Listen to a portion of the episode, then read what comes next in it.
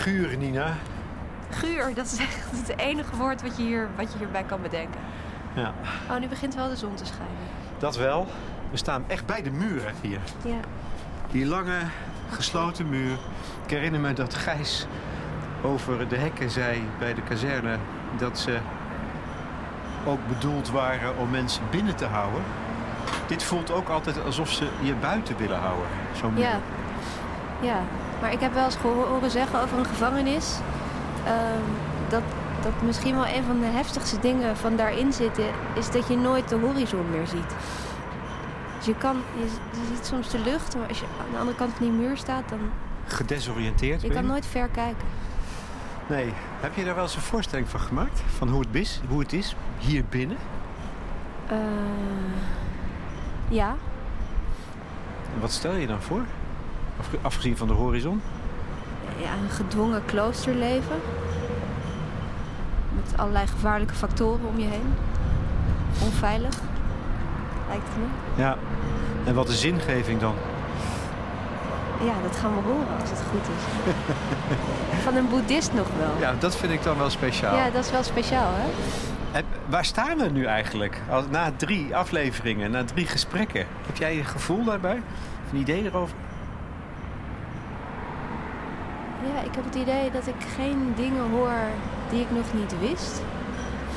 En toch zijn ze in die verschillende contexten van plekken die we niet goed kennen, eh, verhelderend, Ja. vind ik. Op het vlak van zingeving. Ja, op het vlak van zingeving, maar ook op het vlak van hoe eh, bijvoorbeeld mensen in het leger zich verhouden tot de rest. Eh, en hoe belangrijk dat is voor je zingeving, je plek in de maatschappij. Ja. Dus hoewel het geen, en dat had ik ook wel verwacht, geen grootse inzichten zijn, is het toch steeds weer interessant om van andere mensen te horen hoe het voor hen is. Ik, ik heb erg het idee nu dat het gaat over de praktijk. Hè?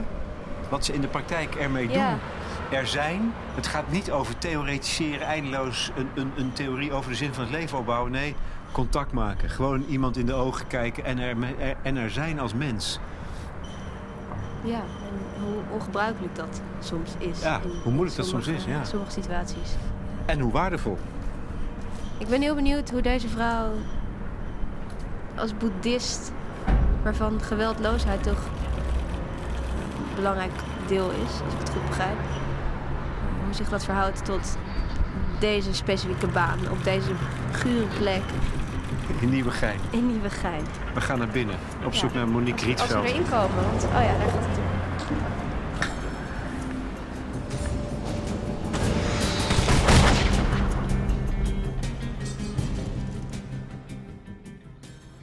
Ja, ja, we mogen naar binnen. In deze penitentiaire inrichting waar het behagelijker voelt dan buiten. Nina Polak en ik, Lex Bolmeijer, wij volgen het spoor van wat wij noemen de professionals van de zingeving. Oftewel, met een wat ouderwetse term, geestelijk verzorgers. Die komen uit verschillende levensbeschouwelijke richtingen. We spraken al met twee humanisten en een katholiek. Vandaag ontmoeten we de boeddhist Monique Rietveld. Zij is werkzaam bij de dienst Justitiële Inrichtingen, afdeling Geestelijke Verzorging. En ook daar werken geestelijk verzorgers vanuit verschillende geloofs- en levensovertuigingen. Alle mensen in detentie kunnen kiezen of, en zo ja, van welk type geestelijke verzorging zij gebruik willen maken. In onze serie Portretten, de zingevers, proberen we beter te begrijpen wat dat is, zingeving, en hoe het werkt in de praktijk. Tegelijk, en dat is een verrassende bijvangst, krijgen we zicht op werelden die schuilgaan achter hekken en muren. De psychiatrische inrichting, de kazerne, de gevangenis dus. Van outsider worden we insider. In dit geval is het betrekkelijk. We wilden heel graag het interview doen in het echte gevangenisgedeelte. Maar daar hebben we geen toestemming voor gekregen. Dus spreken wij Monique Rietveld in haar kantoor. Wat is dit voor Nou, gevangenis? er zit hier zowel eh, gevangenis als huis van bewaring in dit gebouw. Er zat voorheen ook eh, een afdeling voor stelselmatige da- eh, daders, dus de draaideurcriminelen, zeg maar. En ook een extra zorgvoorziening. En die twee zijn net verhuisd naar Zeist. Dus we hebben hier nu nog alleen maar gewoon gevangenis en eh, huis van bewaring. Wat was dan het verschil? Ja, Tussen die twee. Dus, Ja, ehm, Huis van bewaring, daar worden mensen vastgehouden die nog geen vonnis hebben. En eh, gevangenis is, ja, als je weet wat je te wachten staat en hoe lang je nog moet blijven, dan ga je naar de gevangenkant. En hoeveel mensen zitten hier? Dat moet ik opzoeken. Ik ben slecht in getallen, maar dat kan Maar opgezocht worden. ongeveer. Nou, echt, dat moet ik echt checken, maar ik denk 400. Oh ja. En is dat dan een grote gevangenis? Middelgroot, ja. Middelgroot. Ja. Dan zitten wij op een kantoortje. Het zou, dit zou overal kunnen zijn. Nee, dat is niet waar. Nee? Kijk nou naar buiten. Daar Tra- zitten tralies voor de, voor de ramen. En daar zien we een binnenplaats waar ook overal tralies voor de ramen zitten. Dus Besef je dat? het ziet er hier uit als een gevangenis. Ik doe mijn best om het nog elke dag te zien. En ik zie het eigenlijk ook nog elke dag. Want ik vroeg jullie net, want je zei ik stond buiten wat op te nemen bij de muur. En ik maak echt elke dag bewuste stap eh, naar binnen. Dus ehm, ik heb ook jaren op een kantoor gewerkt, maar het is echt anders dan hier op een kantoor zitten achter je computer. Precies daarom. Je ziet tralies, je hoort eh, geluiden van de baaiers, je ziet prikkeldraad. Het is altijd schemerduister op de afdeling. Dus het doet echt met de zintuigen, doet het meteen al iets om hier te zijn. Maar hoe is het als we wel in het echte gevangenisgedeelte zouden komen? Hoe, wat, hoor je? Wat, als je heel eh, goed luistert, nu hoor je een geluid wat je daar ook heel vaak hoort, namelijk het rammelen van sleutelbossen. Alleen gaat het daar nog gepaard met het dichtslaan van hele dikke deuren. Dus de celdeuren die open en dicht gaan. Eh, er, wordt, er wordt veel gelopen. Eh, zware schoenen van de bewakers kun je horen. Eh, het is een heel kaal eh, complex. Dus ja, wij zouden ons huis lekker stofferen met gordijnen en kussens. En het, is, het moet ook allemaal tegen een stootje kunnen. Stootjes zijn er ook regelmatig.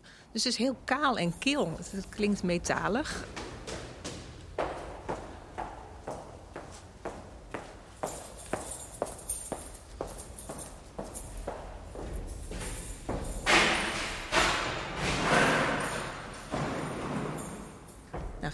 Door naar het andere zintuig. Het ruikt er ook eh, naar veel mensen op een kleine ruimte. Het is eh, echt heel anders dan in Azië of in Colombia. Hè. Dat zie je vast wel eens op tv. Dat is in Nederland gelukkig echt niet zo. Maar het is echt wel een hok met mensen. En dat kun je aan alle kanten waarnemen. Dus het is echt anders dan ehm, ja, een gezellig café... of waar we anders ook hadden kunnen afspreken.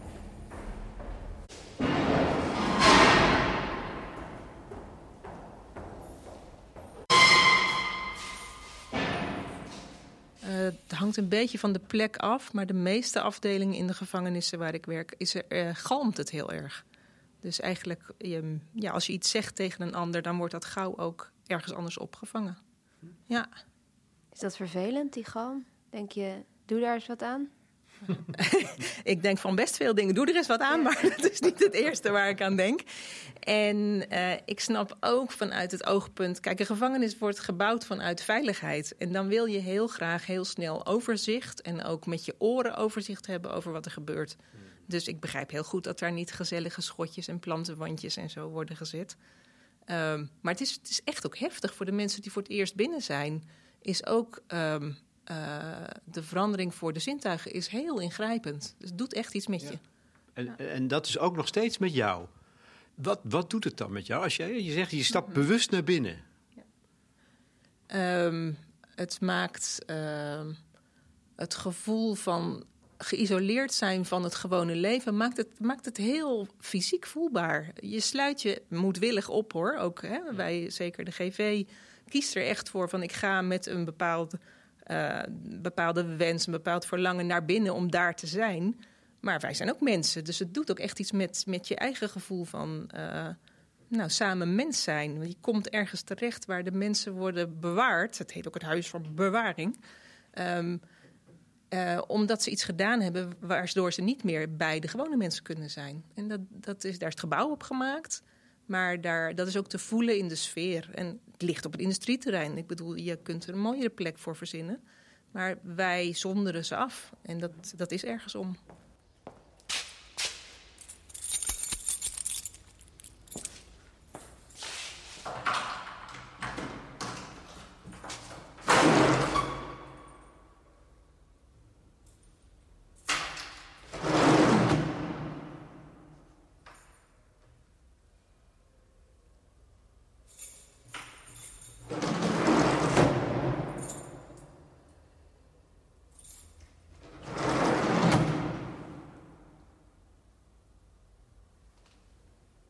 Kun je nog herinneren de eerste keer dat je in de gevangenis kwam? Uh, dat is al wel weer even geleden, maar ik kan het me nog wel herinneren. En uh, nou, het zijn eigenlijk wel die dingen ook. Dus dat het eigenlijk um, onzichtbaar is. Ik was toen al, nou, zeker geen 15 of 20 meer.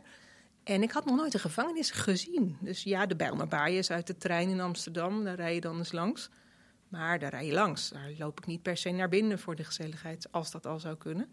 En eigenlijk uh, is dat voor veel gevangenissen zo. Dat ze toch ergens achteraf staan op een terrein waar je niks te zoeken hebt. En um, nou, dat vind ik heel symbolisch voor hoe wij in de samenleving omgaan met mensen die iets gedaan hebben waar ze straf voor verdienen.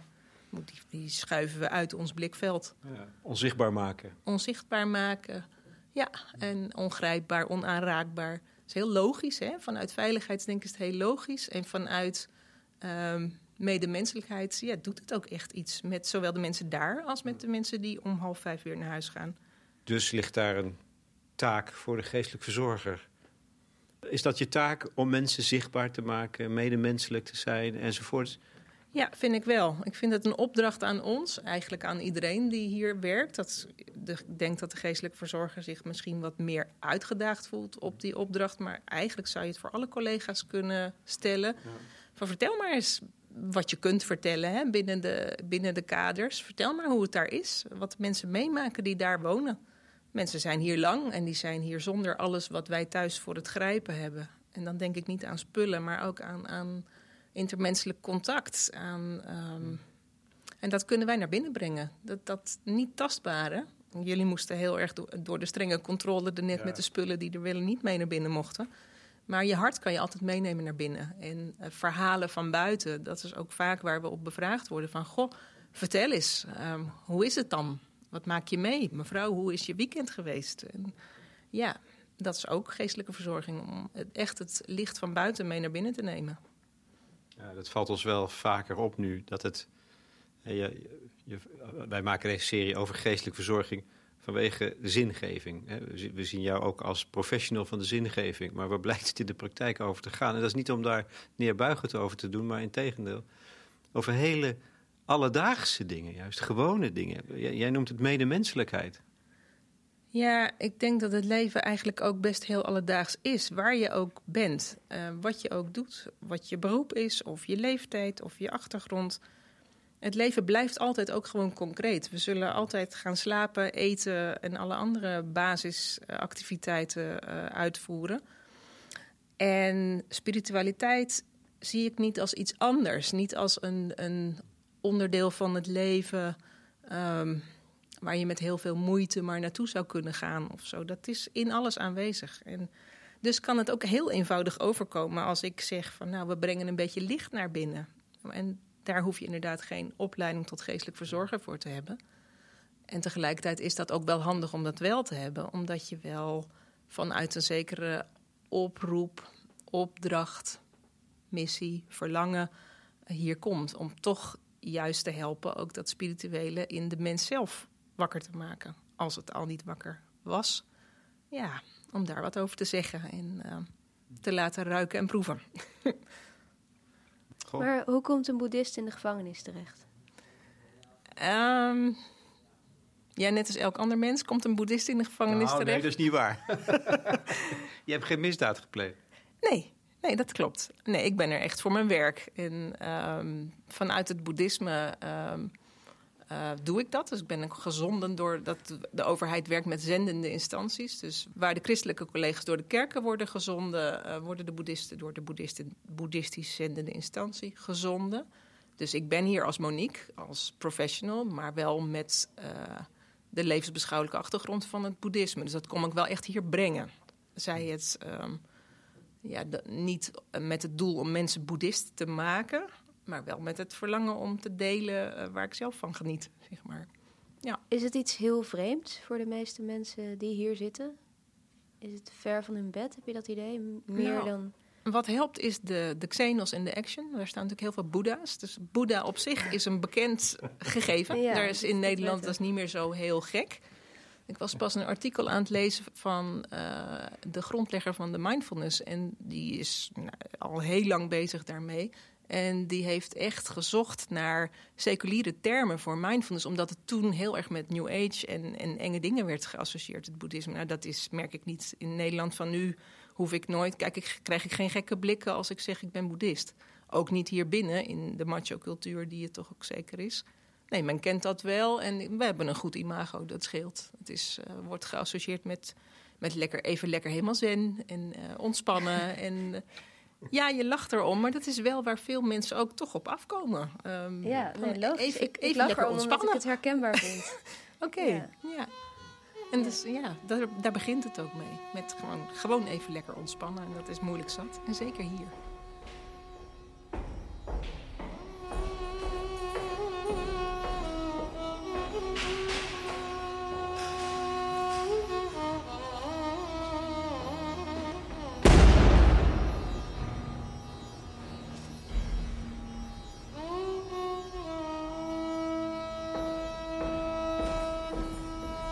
Jij zegt, je wil het, het, gedachtegoed van het boeddhisme overbrengen. Maar je wilt het speciaal in een gevangenis doen. Dus er moet iets zijn hier wat jou aantrok. Um, nou, wat me aantrekt is um, het lijden in de gevangenis. Dat, is, dat, is om, dat kun je niet langskijken. Dat, um, in de gewone wereld is er ook lijden.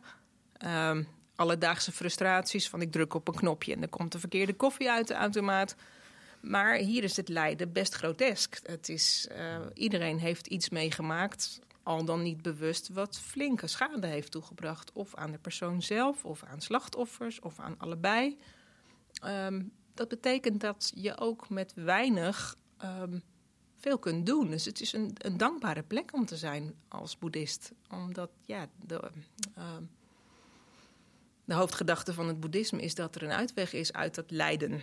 Dat er ontsnapping mogelijk is. Dat er meer vrijheid mogelijk is. En dan helpt het uh, als je dat ergens kunt doen, als ik dat ergens kan doen, ja, waar er veel lijden is. Vrijheid zelfs als je tussen tralies zit. Ja, ja omdat ja, um, mijn overtuiging is dat vrijheid, ongeacht waar je bent en met wie je bent, uh, ter beschikking is. En dat probeer ik uh, de mannen en vrouwen uh, te helpen onderzoeken. Klopt dat? Wat... Dus, zo, ja. Ja, dus eigenlijk daag je jezelf ook uit op een plek waar het misschien wel op het scherpst van de snede eh, het probleem of de, de, het verlangen naar vrijheid wordt uitge, uitgevonden of uitgezocht, uitgevocht bijna. Ja, dat is mooi wat je, zoals je dat opmerkt. Het, het, het woord uitdagen, dat klopt wel. Um, is niet erg boeddhistisch. Wel. Nou, het hangt een beetje van je beoefening af. Of dat, um, Weet je, als je een situatie kunt creëren waarin um, alle zintuigen wijd openstaan, dat is een gevangenis. Hè? Mensen worden ook getraind, eh, het personeel, om scherp te zijn, goed op te letten. Als ze dat niet zijn, dan is het einde zoek. De mensen zijn heel creatief die uh, hier zitten, omdat ze ergens van beschuldigd worden of uh, uh, inmiddels voor veroordeeld zijn. Dus het personeel wordt geacht heel waakzaam te zijn. Um, dat is een uitdagende situatie om tussen te lopen. En dat waakzame, dat maakt ook um, de innerlijke waakzaamheid meer wakker. He, dus uh, kun je begrijpen wat ik zeg? Ja. Dus je bent op te, aan het opletten van wat gebeurt hier. Dus eigenlijk iets verhoogd in je alertheid. En tegelijkertijd maakt dat ook dat je alert naar je eigen innerlijke proces... wat volgens het boeddhisme de oorzaak is van al die frustraties. Het is hoe ik kijk naar de situatie, hoe, wat ik ervan vind meteen zijn de meningen en de oordelen die komen meteen op. En dat opkomen kan ik makkelijker uitleggen aan mensen in een situatie waar eigenlijk de hele tijd al die alarmknoppen van mensen worden ingedrukt. Dus in die zin is het een uitdagende situatie, zowel voor mij als voor de, de, mensen die hier moeten wonen natuurlijk. Ja. Dus, dus, eigenlijk is het bijna een ideale plek voor jou? Voor mij als beoefenaar is het zeker een ideale plek. Ja, je wordt voortdurend getest op alle mogelijke fronten. Wij, wees wakker zonder in de hyperfocus te gaan, hè, zonder in de alarm, uh, in de aanvalshouding op iets af te lopen. Dus hoe kan ik ontspannen, waakzaam zijn? Ja, dat wordt hier zeer bevraagd. Ja. Verrassend, hè? dat zijn van die dingen die je ook niet verwacht. Ze vallen voortdurend in, uh, ontdekken voortdurend verrassende dingen. Maar dat is nu ook alweer zo, voor mij althans. Ja, er zit een soort en ik ken het boeddhisme alleen van de verwaterde, gevulgariseerde vormen ervan, niet van heel dichtbij. Maar er zit een soort zelfkritiek hè, of een zelf, voortdurende zelfbeschouwing in ingebouwd. Is dat iets wat een openbaring is voor mensen hier over het algemeen? Iets wat ze niet kennen? Ehm, Je kunt niet zo algemeen zijn natuurlijk. nou, maar- dat, dat, daar, daar wilde ik inderdaad op aanhaken. Van, ehm, de mensen hier zijn niet anders dan de mensen buiten. Dus ook zoveel gedetineerden, zoveel geesten, zoveel bewustzijnen, zeg maar. Eh, en tegelijkertijd zie, zien we dat ehm, eh, heel veel eh, crimineel gedrag uit impuls, gebrek aan impulscontrole voorkomt. Dus de neiging om iets te volgen wat buiten mij is, dat is hier wel iets sterker dan bij nou, het gemiddelde kantoorpersoneel ergens in een flat verderop. Ja, dat was het vooroordeel waar deze vraag uit Ja, voorkwam. ja, maar inderdaad. dat had ik ook joh, toen ik hier begon te werken. Wij, ik heb ook mijn beelden over, goh, dat nou, die boeven. Ja, niks die boeven. Het zijn gewoon mensen. Ze zien er misschien een klein beetje anders uit, omdat ze wat meer plaatjes in hun gezicht hebben of op hun handen. Ehm, ze praten misschien wat anders dan mijn witte, hoogopgeleide achtergrond.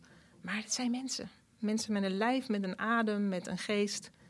En ook die geest kan gaan ontdekken dat dat wat buiten is, eigenlijk helemaal niet zo buiten is. Dus iets wat ik heel graag wil hebben. Ja, je kan niet zien wat voor gebaar ik maak, maar ik maak een uitreikend gebaar. Dat gebaar begint van binnen, begint in het lijf, begint in de geest. Dus er is iets en daar ga ik heen. Of er is iets en daar wil ik heel erg vandaan. En die neigingen zijn universeel. Of je nou gedetineerd bent of niet, of hoog opgeleid of niet. Ehm, ja, dus dat kan ik eigenlijk altijd wel ehm, aanraken bij mensen. Van gewoon door te oefenen. Te zitten. Ja, en dat hier, in een cel waar je niet uit kan. Dus, dus kan er dan een proces ontstaan? Gebeurt dat?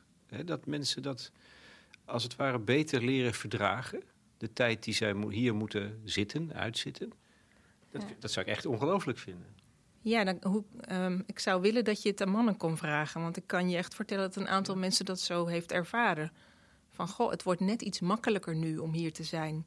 Om hier te zijn. Want afschakelen kunnen we allemaal. Dat zul je misschien zelf ook herkennen. Dat je soms in gedachten verzonken bent of in een fantasie. En dan kan ik ook nog wel hier blijven, maar eigenlijk ben ik weg. Maar om, nou, ga maar kijken naar die muur die echt maar twee stappen van je, van je stoel vandaan is. En die tralies zijn morgen er ook nog en overmorgen ook. Maar heel bewust daarnaar kijken. Het kan iets van licht, lucht, vrijheid opleveren. Ja.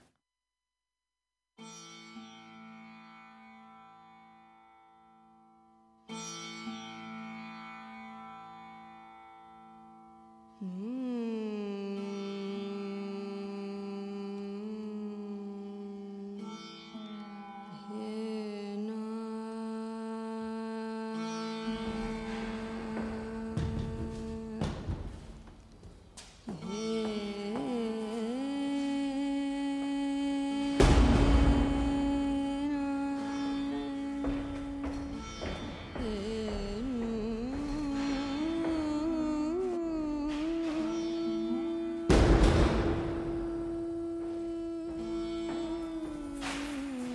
er zijn ongetwijfeld geschiedenissen, processen die- jou ook dierbaar zijn. Die voor jou leerzaam zijn geweest of dierbaar. En ik weet wel dat het moeilijk is om, je mag de privacy niet schenden. Maar kan je misschien eh, eh, nou, een voorbeeld geven, één of twee voorbeelden geven van, van mensen bij wie dat eh, zo duidelijk het geval is geweest. Overigens altijd mannen, hè, denk ik.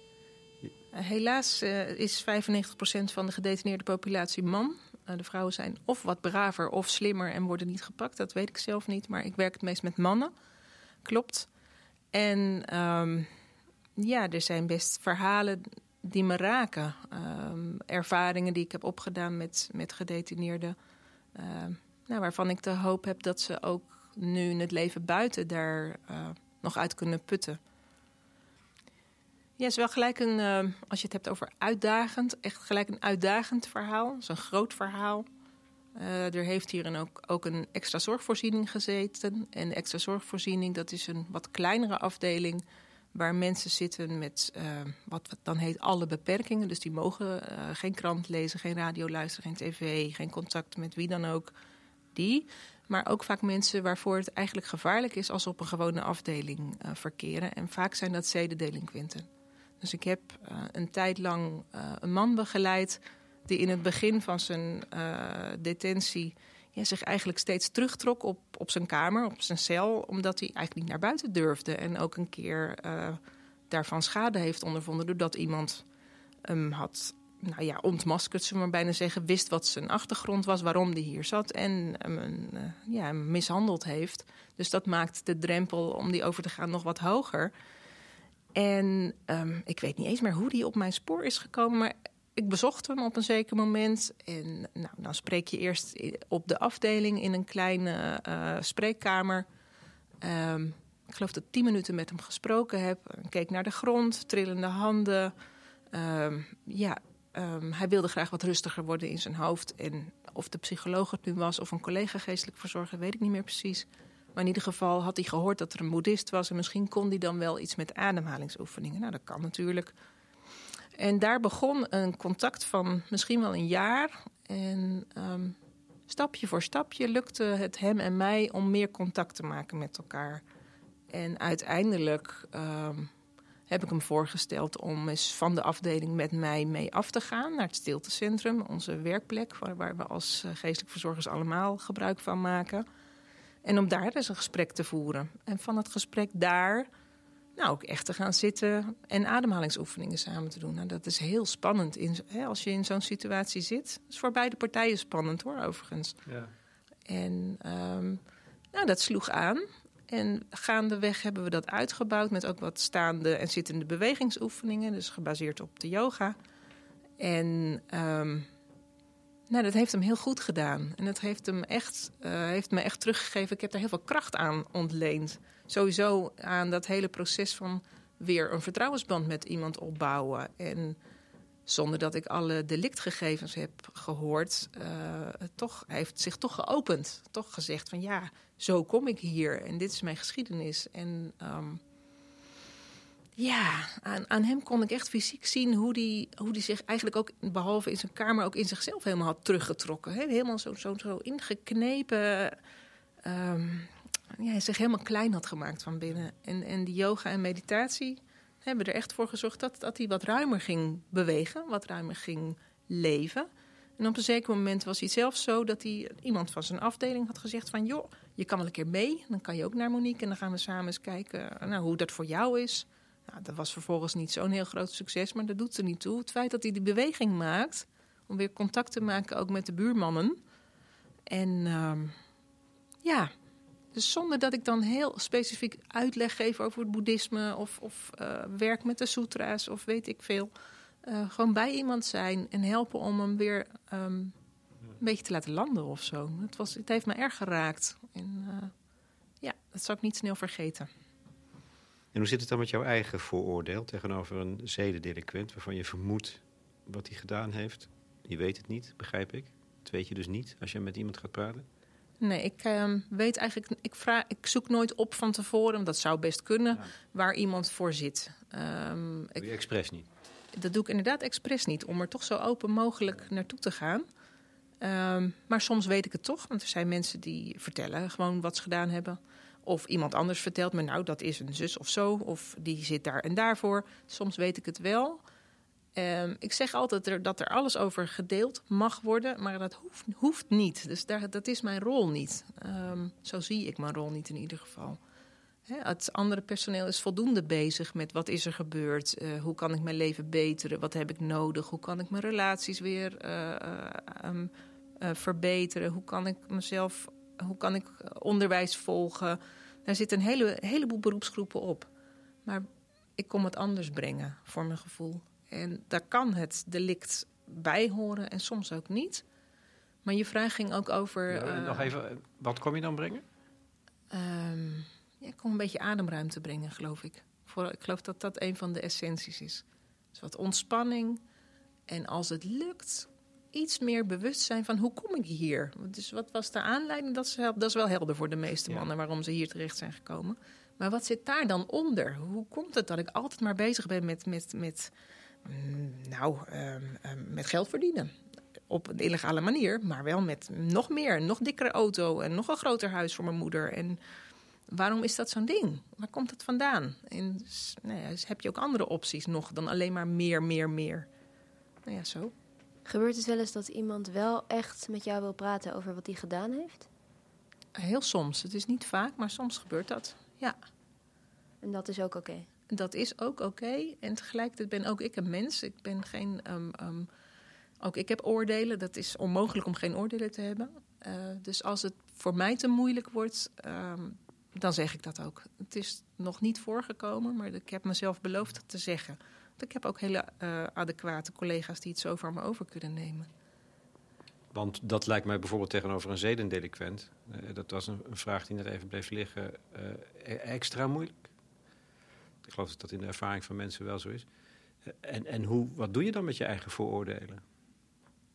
Ehm, zijn, ja, het is extra moeilijk. En ja, we zien maatschappelijk gezien dat dat het ongeveer het ergste is wat er kan gebeuren. Ja? Dus dat we iemand een klap verkopen, dat is één. Maar dat we de, de, de grens van seksualiteit overgaan, dat is in de rangorde der delicten is dat zwaar. Ook hier, volgens mij. Zeker ook hier binnen, onderling in de hiërarchie op de afdeling, is een zedendelinquent en zeker met minderjarigen is ongeveer het laagste van het laagste. En ehm, ik ben moeder van drie kinderen en ehm, ik heb ook wel mijn werkjes te doen gehad van, goh, eh, lukt mij dat wel om daar open-hearted tegenover te zitten in goed Nederlands. En dat lukt mij wel. Ehm, En hoe dan? Waarom dan? Hoe doe je dat? Wat, wat voor werk gaat eraan vooraf? Ehm, ja, innerlijk werk gaat daaraan vooraf. Dus daar gaat aan vooraf dat ik samen met mijn supervisor, lerares, kijk van wat, wat doet het bij mij? Dus als ik weet van jou dat jij eh, je aan kinderen vergrijpt, wat raakt dat dan in die hier zit, in Monique? En ehm, nou, wat zou bijvoorbeeld woede kunnen opkomen van hè, hoe haal je het in je hoofd? Ehm, nou, dat is dan woede. En kijk maar eens wat die woede je te zeggen heeft. Nou ja, weet je, zo leer je. Wij werken, als, zeker als boeddhisten, als geestelijk verzorger ben je je eigen instrument. En dat heb je schoon te poetsen van tijd tot tijd. En, heel belangrijk om, vind ik, om zelf ook aan te geven van, nou, dit is mij te groot. Want dat is er soms ook. Soms is het echt te groot. En dan moet ik, vind ik, als professional dat voelen en iets kunnen doen. Dus hulp halen. Ehm, hè, dus te zeggen van, goh, ik, ik kan dit niet. eh, maar mijn collega eh, Piet, die kan heel prima met jou dit gesprek voortzetten. Wat doet Piet dan bijvoorbeeld? Ehm, ik merk dat eh, voor mannen is het soms makkelijker. Op de een of andere manier. Dat is gewoon ervaringskennis eh, om met een zedendelinquent te spreken. Dus dat zou een op, daarom zou Piet eh, werkzame stof kunnen hebben, zeg maar. Je, je, je collega geestelijk verzorger, Piet. Ja, ja, sorry, ja, dat bedoelde ik. Ja. Ja, zeker. Ja.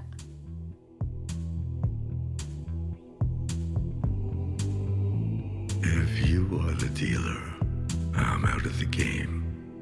If you are the healer, means I'm broken and lame. If thine is the glory, then mine must be the shame. You want it darker. We kill the flame. Ik, ben, ik wil zo graag aan jullie nu vragen. Dat mag ook. ja, dat eh, mag ook. Is heel, dat, dat ken ik. Dat, Ja. ehm, wat, wat dan?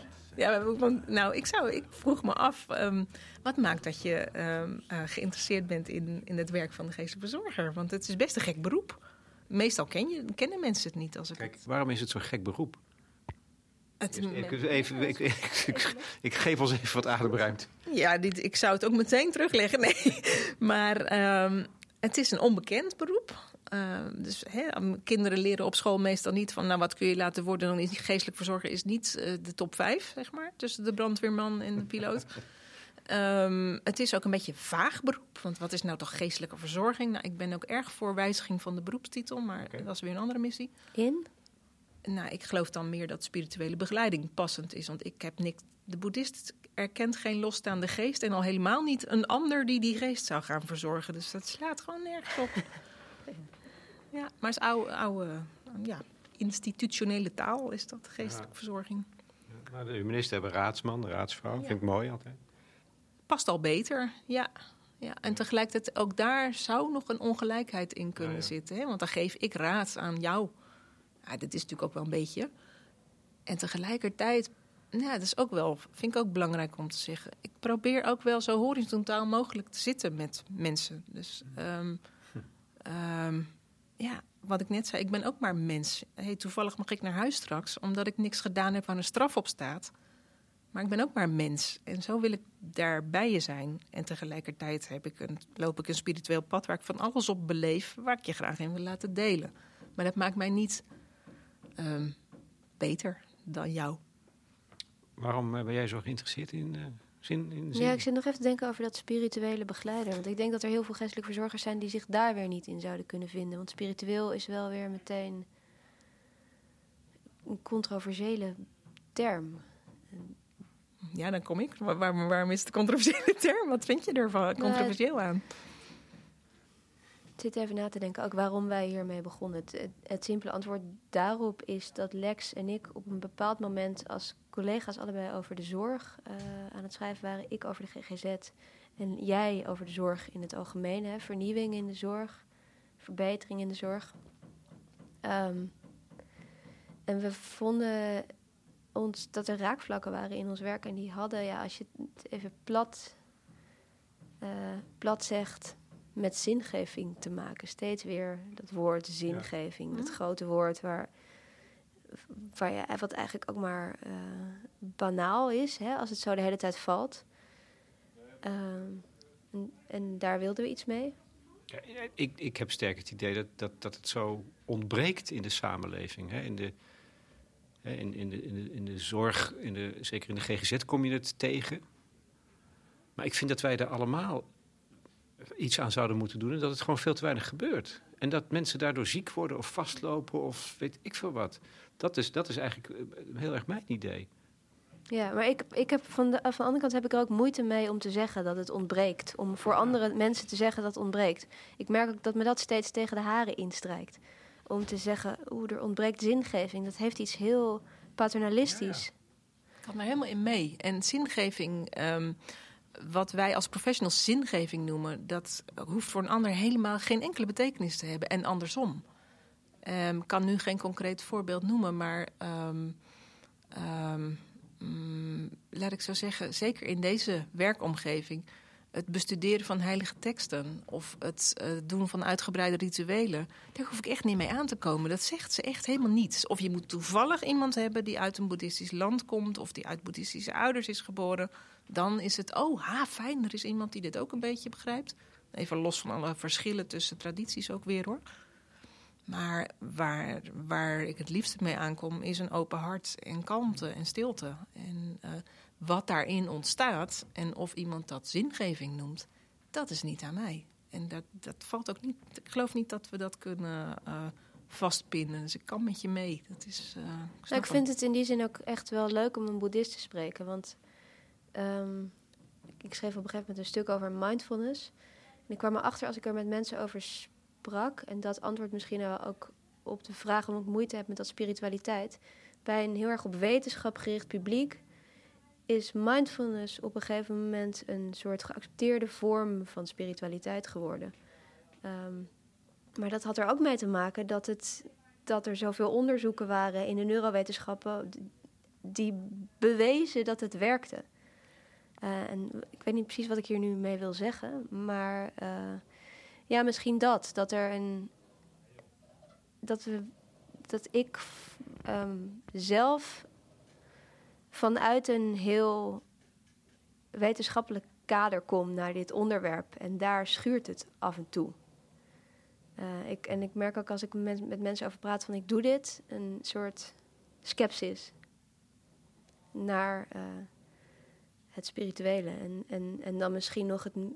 Als ze dan er ergens affiniteit mee hebben, dan is het uh, het bekijken van je eigen geest. dingen die tegen het boeddhisme aanschuren, tegen mindfulness. Tegen dat soort praktijken die je ook zou kunnen inzetten om je een, uh, een efficiënter, efficiëntere werker te maken, of een efficiëntere burger, of een uh, ja. beter functionerend mens. Snap het. En um, ik, ik, ken ook die bezwaren wel. En soms hoor ik ze hier. De mannen zijn heel recht voor zijn raap hoor. Dus die zijn, dat is heel, ook heel uitdagend de spiegel die je krijgt. Zo van kan, ik kan dan ook heel goed mediteren, zodat ik uh, lekker helder in de geest ben mijn volgende kraak goed kan plannen. Ja, dat kan ook. Maar dat was nou net niet de bedoeling, zeg maar. Dus er komt ook altijd nog wel wat tekst bij. Maar dat denken, dat, is, dat hebben wij graag. Ook criminelen, ook niet-criminelen. Iedereen is dol op denken. En zeker in deze westerse samenleving. Dus als we dat enigszins in actie kunnen krijgen, dan doen we dat. En nou, daarom ook meditatie en ehm, adem. Omdat het denken daar ietsje rustiger van wordt. Ietsje, een klein beetje. En dat is al een hele grote stap. Je hebt het gehad over vrijheid, waar je mee bezig bent hier. Kleine, de kleine stapjes van de adem, het ademen, de ademruimte. Maar er is ook het lijden. Het, het grote lijden, denk ik. Van mensen hier en van de mensen in het algemeen, maar zeker de mensen hier. Probeer je daar ook aan te werken met mensen hier in de cellen. En wat is dan het grote lijden? Ja, ja misdaad op je geweten hebben bijvoorbeeld. Ja, ja, zeker wel. En dat is ook wel leuk om het over te hebben. Een, het, het, ik zei, het boeddhisme heeft een goed imago. Lekker even helemaal zen. Hm. dat kan ook ruiken naar alles kan en alles mag. Um, nou, dat, is, dat zie ik anders. Dat is niet zo. En dat uh, is in de leer van de Boeddha ook buitengewoon helder. Er zijn ook morele grondslagen en daar hebben we het over. Dus uh, niet stelen is niet stelen. Dat verandert niet. Um, tegelijkertijd nou, probeer ik net ook uit te leggen, probeer ik met de mensen te zoeken van hoe komt het dan dat dat je manier van levensonderhoud is geworden. Nou, soms is dat helemaal geen bewuste keuze. Want ja, weet je, opa zit in de wiethandel of mijn vader ook. Dus uh, nou, ik zou niet weten waarom ik naar school zou moeten en een normale baan zou moeten verdienen. Lijkt wel gek. Dan moet ik 15 jaar werken voor die BMW. Nou heb ik hem zo. Dus ja, daar kijk, kijk ik zeker naar. En daar, nou, dat zie ik ook als een opdracht voor mij en mijn collega's om dat ook bewuster te maken. Van we zijn niet in ons eentje op deze planeet. Dus we zullen ons ook een beetje goed moeten zien te gedragen, om het maar makkelijk te zeggen. Dus daar komt het boeddhistische gedachtegoed expliciet aan de orde ook. Dat, dat, dat breng je dan ook in. Ja, zeker. En uh, het is niet mijn eerste ingang, dus ik voel me geen uh, uh, prediker of iemand die eens even zal vertellen hoe het allemaal wel in elkaar zit. Dus ik probeer veel meer de stap te maken naar terug het lijf in, terug de adem in, voorbij de taal. Maar als zich daar wat opent, dan, uh, en het kan erover gaan, het mag erover gaan, dan gaat het er ook over. Over, ja, hè, als je heilzaam wil zijn voor een ander, dan zul je ook bepaalde dingen moeten laten.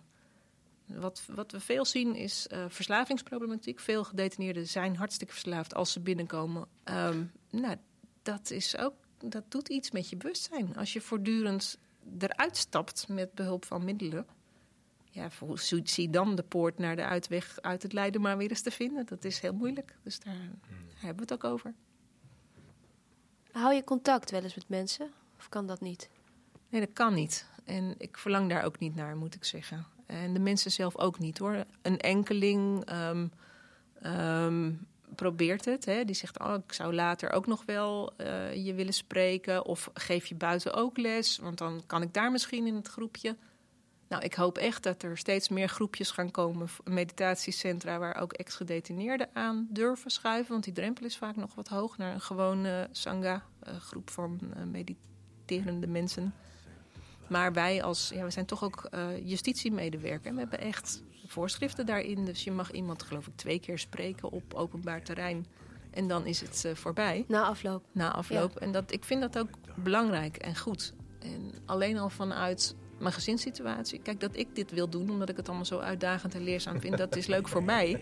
Maar daar hebben mijn kinderen niet voor gekozen. Dus in het kader van veiligheid lijkt me dat een hele verstandige opdracht aan ons.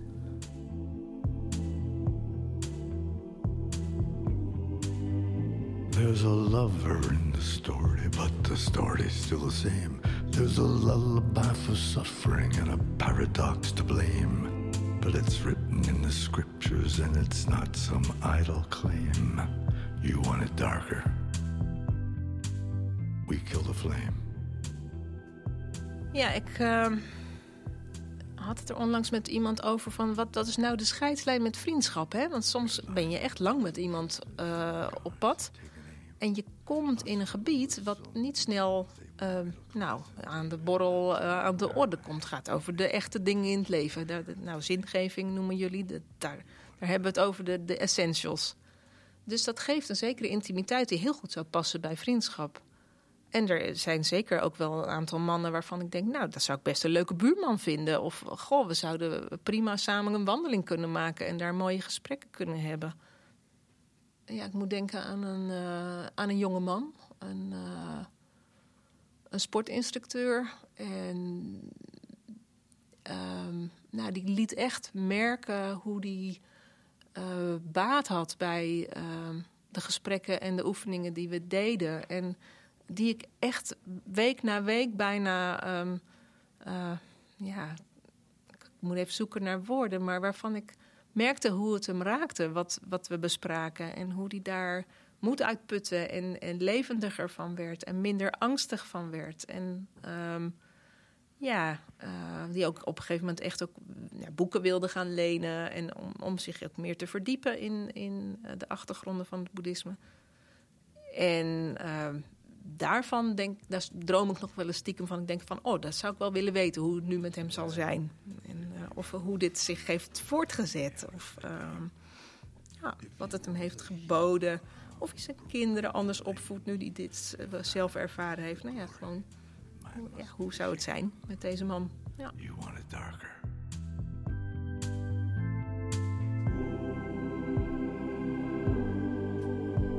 Hey,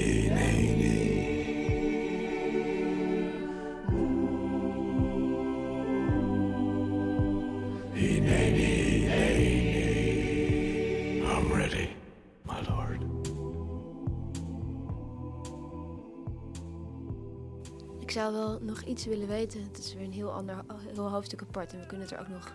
Ik weet niet of je het erover mag hebben, maar. Ik vraag me wel af hoe je, als je hier werkt, hoe je je verhoudt tot het concept gevangenis als boeddhist. Of je wel eens denkt, er zijn betere manieren om om te gaan met onze criminelen. Dan kom je inderdaad op een gebied waar... Kijk, als mens mag ik alles zeggen, vind ik. Als boeddhist eigenlijk ook. Maar als rijksambtenaar in dienst van het ministerie van Justitie... wordt het wat benauwder. Oké, okay. uh, dat had ik, hadden we wel kunnen verwachten. Nou ja, maar toch. Ik kan, ik kan wel... Wat ik heel fijn vind aan deze inrichting waar, ik, waar we nu zijn in Nieuwegein... is um, hoe er gezocht wordt om binnen de wettelijke kaders... Uh, zoveel mogelijk leefbaarheid binnen te brengen. Ik weet niet of je zag hoe je net naar boven liep... langs een groot fotobehang met, met een bos en frisse kleuren... en nou, vrolijke schilderijen... Het zijn maar kleine dingen, maar het, daar, daar, laat uh, de inrichting voor mij zien dat zij ook beseffen dat we hier met mensen te maken hebben. En dat het dus niet een donker, stinkend hol moet zijn, maar iets waar, waar mensen op zijn minst een gevoel van okéheid kunnen ervaren. En ja, dat, dat vind ik fijn dat dat gebeurt. En ik zou een heel verhaal kunnen houden over wat ik allemaal niet wil. Uh, nou, jij noemde de wetenschap die uh, uh, prominent aanwezig is in je bestaan. De wetenschap heeft al lang duidelijk gemaakt dat vrijheidsbeneming helemaal niets oplost. En um, dus straffen is het ook niet. straffen ook niet. Dus is het heel goed dat er naast die straf nog een heleboel andere dingen wel zijn. En um, ja, zoals de menselijke maat, zoals een goed gesprek, zoals uh, de blik naar buiten, mensen van buiten naar binnen halen. Dat is ook iets ja, waar langzamerhand wat ruimte voor komt. Van, goh, die scheidslijn is hartstikke dik. Hè? Wat binnen de wet is, dat mag en de rest mag niet. En er zijn muren binnen, van de gevangenis, daar hoor je binnen te blijven. En buiten is de buitenwereld. Maar de mensen die hier wonen, die hebben ook een bestaan buiten. En die gaan op een gegeven moment ook weer naar buiten. Gelukkig hoeft er niemand tot aan zijn dood hier te blijven. Uh, dus er komt een moment dat ze de buitenwereld weer instappen. En hoe fijn is het als ze daar niet heel lang op hoeven te wachten. Maar als er bijvoorbeeld zoals jullie, mensen die hier normaal niks te zoeken hebben, gewoon af en toe eens langskomen. Dat is heel erg van belang voor de gedetineerden. Bezoek, contact. Maar ja, ik zou, ik zou het anders wensen. Ik zou wensen dat we als samenleving iets anders konden inzetten dan het isoleren van mensen op een, nou, wat ik al zei aan het begin, onherbergzame plek achter een betonnen muur. Op een industrieterrein in die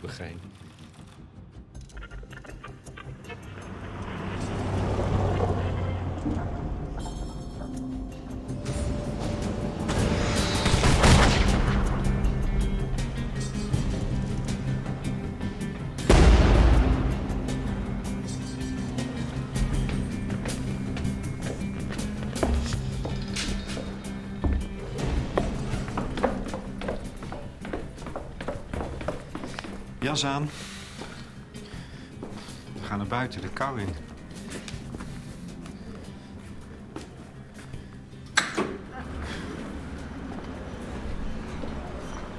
Onherbergzaam noemden ze het zelf. Dit. In plaats van guur. Dat is eigenlijk nog Ja, mooier. En op hetzelfde moment realiseer ik mij hoe warm het was binnen, vond ja, ik. het is heel koud. Ja, Ja. hier wel. Ja. Maar ik vond, ik vond haar ook een... eh, nou ja, waar, het over ging, die medemenselijkheid. Dat vond ik er vanaf stralen, eerlijk gezegd. Wel meteen een oordeel, hè? Heb ik dan weer klaar. Potverdorie. Jij hebt een oordeel klaar Ah ja, en nu- ik heb een oordeel klaar. Iedereen heeft altijd een oordeel klaar. Dat daar word je, worden we wel mee geconfronteerd, ja. Maar ik vind het wel heel goed dat ze nog benadrukt. eh, en interessant ook in het kader van, eh, Ja. van de hele serie. Dat de zingeving en het daarover hebben, dat het eigenlijk, eigenlijk iets raars is. Om, het, om te zeggen voor anderen wat zingeving is. Of te zeggen dat er een gebrek aan is. Dat dat, dat het makkelijker gezegd dan bewezen is, zoiets. Vond ik wel confronterend. Ja, vond ik ook. Vond ik ook. Ehm, dat gaan we dus reduceren vanaf nu. Maar ja, we hebben een serie over zingeving. Ja.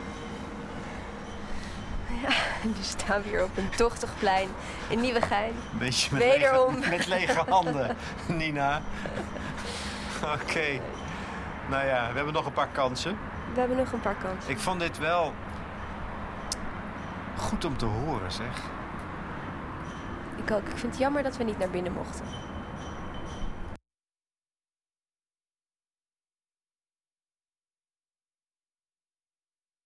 Omdat je dan toch denkt nog iets anders te, te, te horen, te vinden.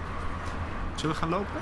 Ja, ik had die geluiden wel willen horen. Ik had eh, wel willen, willen voelen hoe, het dat, hoe dat voelt. Schreeuwende mannen. Ja. Oh, wat. Nou, dat zeker. En dat is toch apart dat jij Ik snap ook dat mensen moe zijn nadat ze met ons gepraat hebben. Of dat nou zo goed, of dat nou zo'n goed teken is. Oh, ik had bij Monique trouwens helemaal niet het gevoel dat zij gesloopt was of moe. Nee. Stormt. Wij lopen gewoon tegen de storm in. Ehm, waarom zijn ze moe? Ja, omdat het toch een soort graaien is in het duister. Zo, zulke gesprekken. Is, is soms wel. Ja, deze mensen zijn het natuurlijk gewend. Maar dat er toch weinig houvast is. Ja, grappig. Je zou zeggen, precies omdat ze het gewend zijn te reflecteren Ja, op wat het is, leven. Zouden ze dat. eh, misschien Makkelijk vinden. Misschien ben ik gewoon moe aan het einde van Maar het is altijd, het is, maar dat vind ik altijd, hè? Ja, Ik heb na een uur ben ik altijd gesloopt. Door de enorme concentratie. Ja, dat je merkt hoeveel het kost om echt naar iemand te luisteren. Ja. In plaats van dat halfbakkige luisteren wat je de rest van de dag. Ja, je zit altijd met drie dubbele sporen in je hoofd. Ja, Wat is er gezegd? Wat moet er nog gevraagd worden? ja, Wat betekent dit? Terwijl je luistert. ja. Goed, We gaan naar de parkeergarage. we zijn buiten. We gaan naar de parkeergarage. Wij vervolgen ons leven in vrijheid.